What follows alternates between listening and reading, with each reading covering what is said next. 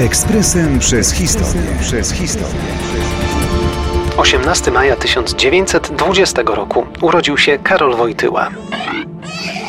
O niewielu postaciach XX wieku powiedziano i napisano tak wiele. Do świadomości świata wkroczył w październiku 1978 roku, kiedy wybrano go papieżem i przybrał imiona Jan Paweł na cześć poprzednika, zmarłego po zaledwie 33 dniach pontyfikatu. Na rok 2020 przypada stulecie urodzin jednego z najsłynniejszych Polaków. Warto więc wspomnieć także historię jego młodych lat, lat, które go ukształtowały.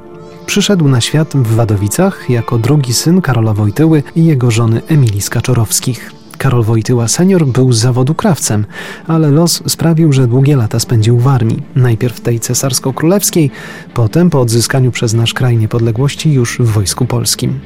Po roku 1927 pracował jako urzędnik. Jego żona Emilia z domu Kaczorowska pochodziła z niezamożnej, choć niezwykle licznej rodziny rzemieślniczej. Datę ich ślubu do dzisiaj okrywa mrok dziejów. Historycy wciąż się spierają, padają daty od roku 1903 aż do 1906. Małżeństwo miało troje dzieci. Edmunda, który został lekarzem, a zmarł w czasie epidemii szkarlatyny w roku 1932, córkę Olgę Marię, która zmarła w dniu narodzin i Karola Józefa, który został papieżem. Karol Junior był dzieckiem bardzo żywotnym. Uwielbiał sport i długie piesze wędrówki, najczęściej z ojcem.